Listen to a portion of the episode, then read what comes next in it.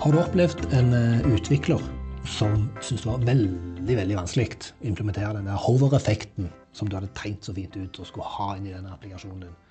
Eller du kanskje har opplevd en produkteier som nekter å implementere den funksjonaliteten som du er helt sikker på at hadde vært verdifulle. Eller har du opplevd en, en, en tekstforfatter som bare har klappet deg på skulderen og sagt 'godt jobba'? Eller har du en bror som eh, syns du ikke har helt de rette verdiene, eller en far som mener at du bruker eh, evnen din på helt feil måte? Eller har du en mor som rett og slett syns du er helt fantastisk, uansett hva du gjør for noe? Alle disse har, tro det eller ei, òg følelser. Dette er en eh, podkast eh, om boka vår Erg, som handler om design og følelser. Eh, du er Lars, og du er psykolog. Jeg er Erling, og jeg er designer. Og dette er en podkastserie på fem episoder. Dette er siste episoden. Hei, konge. Og um, i dag så skal vi snakke om følelser uten å snakke om design, egentlig. For det er jo ikke bare sluttbrukere som har følelser, eller hva, Lars? På ingen måte. Og følelser er overalt. Og kan jo gi litt sånn behind the scenes, backstage-info til lytterne. da, fordi at når vi ja. starta å skrive denne boka, her, eller i hvert fall ikke så lenge etter vi begynte, i 2020, januar, så Som jeg føler skal lenge siden ut. Det er fire år siden. Stemmer det. Det er sinnssykt. Men så um, skrev vi 10, 10 av livet mitt.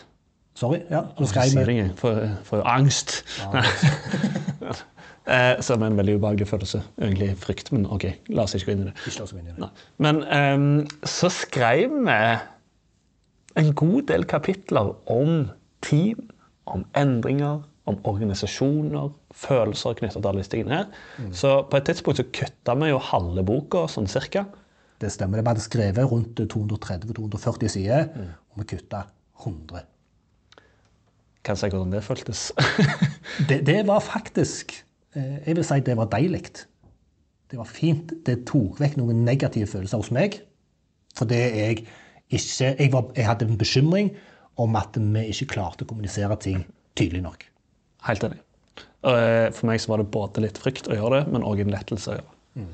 Jobber du i et team og sammen med andre mennesker, så skal jeg love deg at du jobber med følelser. Mm. Bare noe som helt banalt som at hvis dere i teamet deres ikke er enige om målet og hva vi skal oppnå sammen, eller at dere ikke er enige om hvem som har hvilke roller og ansvar, eller at dere ikke er enige om prioriteringene eller hvordan vi skal jobbe sammen, f.eks., så kommer det til å vekke følelser i dere. Kanskje dere blir irriterte fordi dere tenker jo folk bruker tiden sin på noe som absolutt ikke skal gjøre, eller at det går i en helt feil retning, eller at det, dette var jo egentlig Arne sin oppgave å gjøre, men hvorfor i svarte har ikke han gjort det? Eller, så det er følelser overalt når det er mennesker. Så litt av eh, vårt ønske da er jo for alle sammen å kanskje bli litt mer observante på følelser, og hvordan de påvirker samarbeid i team, hvordan de påvirker endringer, hvordan de påvirker organisasjoner og beslutninger som blir tatt i organisasjoner. Og ja, vi mennesker er mye mer følelsesstyrte. Sjøl de, de, av oss som claimer at de er ekstremt rasjonelle, blir i veldig stor grad styrt av følelser med de valgene som vi tar. Noe som har vært veldig veldig nyttig for meg etter, med, etter du har opplyst meg om alt dette fantastiske greia om følelser, er det med å reflektere over noe så, eh, så enkelt som at eh, administrerende direktør i dette gigantiske foretaket er et menneske med følelser. Og det er ikke bare et menneske med følelser, men et menneske med følelser som prøver å unngå negative følelser. Og Der kommer der skammen, der kommer stolthet, eh, det kommer frykten for at noen skal si noe eh, slemt til han. Og dette er mann 55 pluss, hvit, den klassiske og har kontrollen på alt type person. Har like mange følelser som alle oss andre. Nå må du bare arrestere meg hvis det er feil, men de som virker veldig steinharde, de har jeg gjerne opplevd at det kanskje har ekstra mye følelser.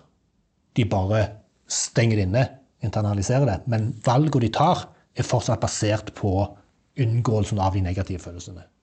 På alle måter, tenker jeg. Og steinhard er jo kanskje et uttrykk for frykt. Ja.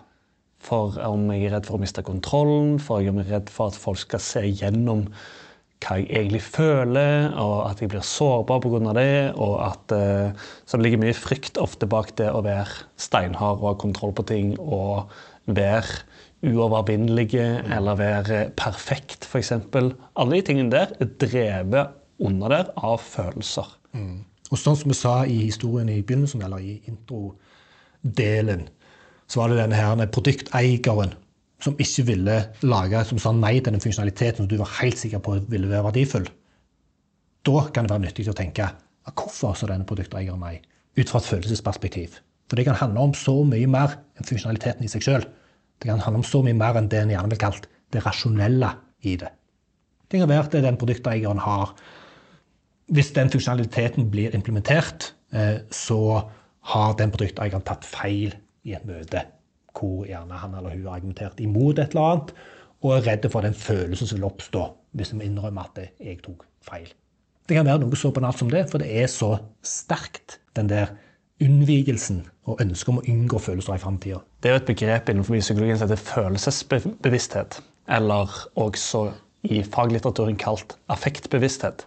Det er en skala fra hvor folk er veldig veldig følelsesbevisste, altså legger merke til egne følelser, handler det mye om. Mm. Um, eller veldig lav på den skalaen. Veldig dårlig til å legge merke til egne følelser. Og mm. jeg jobber jo mye med å prøve å gjøre team til å bli bedre team enn det de er i dag. Og ofte så ser jeg at noe av kommunikasjonen og måten de snakker sammen på, blir mye dårligere fordi at folk har følelser som de ikke merker at de har. Mm. De er f.eks. irriterte.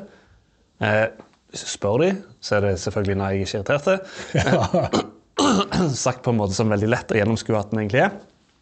Så hadde følelsesbevisstheten og kanskje følelsesaksepten for at ok, men jeg, jeg er kanskje irritert nå, og jeg kan få lov til å være det. Og evnen til å følelsesregulere så, mm. Følelsesuniverset er stort. Mm. Eh, så hadde vi hatt mer kompetanse og eh, ferdigheter knytta til følelser, så hadde samarbeid gått bedre. Eh, utviklingsprosesser hadde gått bedre, endringsprosesser hadde gått bedre, beslutninger i organisasjoner hadde blitt bedre, man hadde tatt bedre strategiske beslutninger.